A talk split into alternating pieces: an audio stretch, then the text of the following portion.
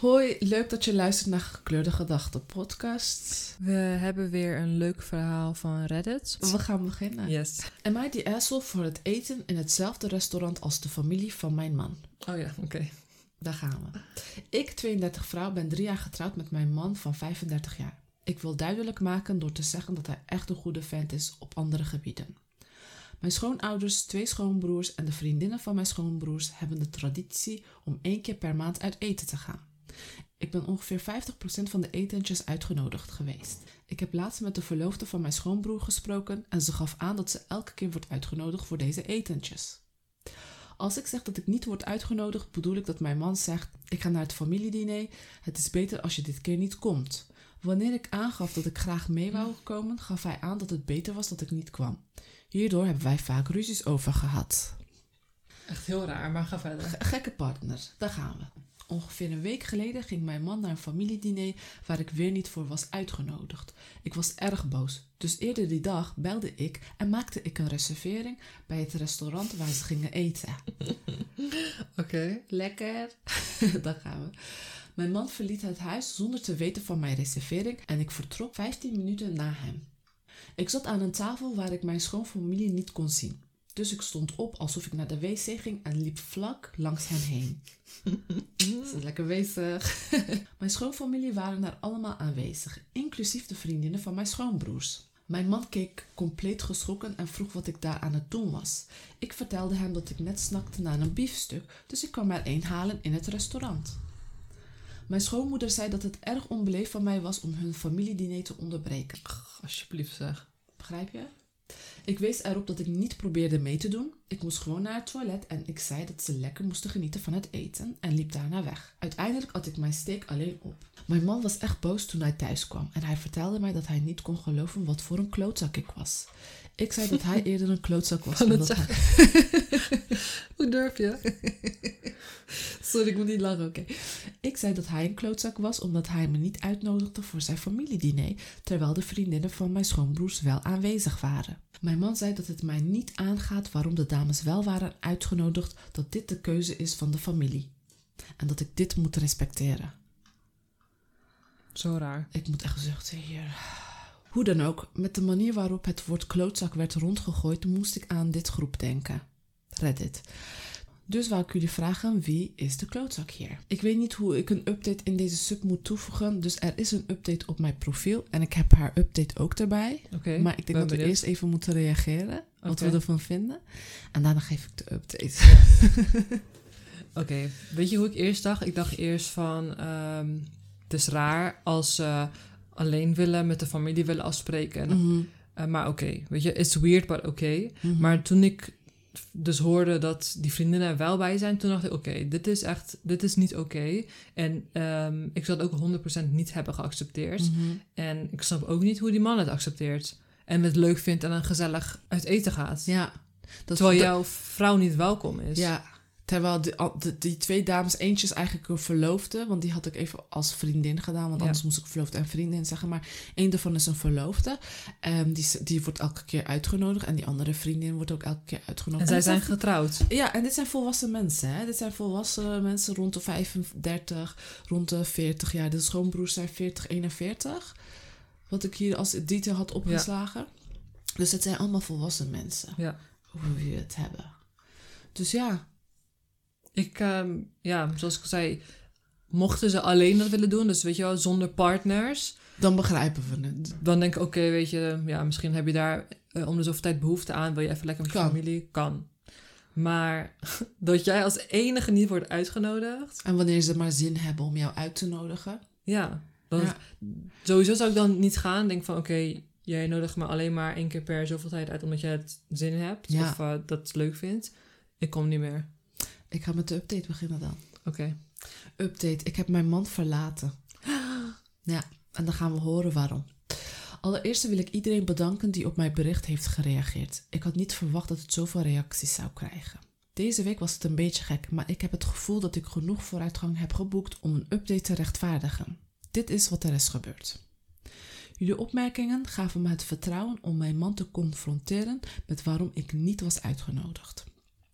En ik zou geen genoegen nemen met een terughoudende antwoord. Dus ik vroeg hem er rustig naar en hij zei zoiets als: Oh, het is gewoon de beslissing van de familie. Dus ik zei: Ik ben ook jouw familie. Ik verdien het te weten waarom. Hij zei een paar hele vage dingen als: Nou, jij past er gewoon niet zo goed bij als alle anderen. En Ja ik- hoor, wat is dat nou weer voor iets? Jij past er niet zo goed bij. Het, is- het is toch bizar voor woorden wat je tegen je vrouw zegt? Ik snap dat, eh, dat ze me verlaten, maar goed, ga verder. Dus ik ga weer verder. Hij zei een paar hele vage dingen als: Nou, jij past er gewoon niet zo goed bij als alle anderen. En ik vroeg hem wat, dat dan betekent. Hij kon het niet goed uitleggen. Ik zat te denken aan hoeveel van jullie bezorgd waren of dit misschien te maken zou hebben met mijn etnische achtergrond, omdat ik half zwart ben. Persoonlijk had ik er nooit veel over nagedacht. Niemand in zijn familie heeft ooit een racistische opmerking tegen mij of iemand anders gemaakt. Maar ik wou mijn rug goed bedekken, dus ik vroeg mijn man of ik uitgesloten was omdat ik half zwart ben. Ah, daar komt het. Mijn man zei, en ik citeer: Nee, daar ligt het niet aan. Je weet dat ik daar niets om geef. De manier waarop hij dit zei impliceerde dat iemand hier wel zich druk om maakt. Dus ik vroeg wie hier wel moeite mee heeft. Hij zei niemand. Ik vroeg of het zijn moeder is en hij aarzelde en zei misschien. Hmm, erg hè? Na een lang gesprek om duidelijk te krijgen waarom, is dit het verhaal dat ik uiteindelijk kreeg. Zijn moeder is geen fan van mij. Mijn ras speelt misschien een rol, maar hij zei dat het ook mijn persoonlijkheid en mijn politieke overtuigingen zijn. En het feit dat we in het eerste jaar dat we begonnen te daten, we op de eerste kerstdag naar het huis van mijn ouders zijn gegaan en niet Alsjeblieft. zeg. die van hem. En dat is dan een reden om iemand niet uit te nodigen voor een, Voor etentjes. een van de redenen dan, maar goed. Het heeft voornamelijk met haar huidskleur en politieke overtuiging te maken, denk ik. Dan ben jij echt een zwakke man. Dat jij Oh. niet achter je vrouw staat. En lekker gezellig als een sukkeltje daar gaat eh, eten gezellig doen zonder je vrouw. Ik heb er echt niks meer over te zeggen dan dat. Jij Het bent is- echt een sukkel. Ja, het is walgelijk voor Die man woorden. is echt een sukkel. Dat jouw familie racistisch is, is één ding. Maar dat jij er ook nog eens mee gaat doen om te zeggen van... Ja, beter kom je dit keer niet. En niet haar support. Ah, Jij, bent- jij bent echt, jij bent echt de klootzak hier. jij mag het. Ik, ik heb eh, tegen Char gezegd dat ik minder ga schelden. Dus ik ga niks zeggen. Ja. Ja, echt een update die, eh, waarvan we dachten van... Oh, wauw, oké. Dus dit is de reden waarom. Wat ben jij een zielig mannetje zeg. Heel zielig. Je bent echt... Je bent haar niet waard. Het is beter dat jullie uit elkaar zijn. En ehm, om het ook van zijn kant te bekijken, misschien zat hij, voelde hij druk vanuit zijn moeder. Nee, en I don't give a fuck. Als ik racistische ouders heb, sorry. Dit is racisme waar we het mee te maken hebben.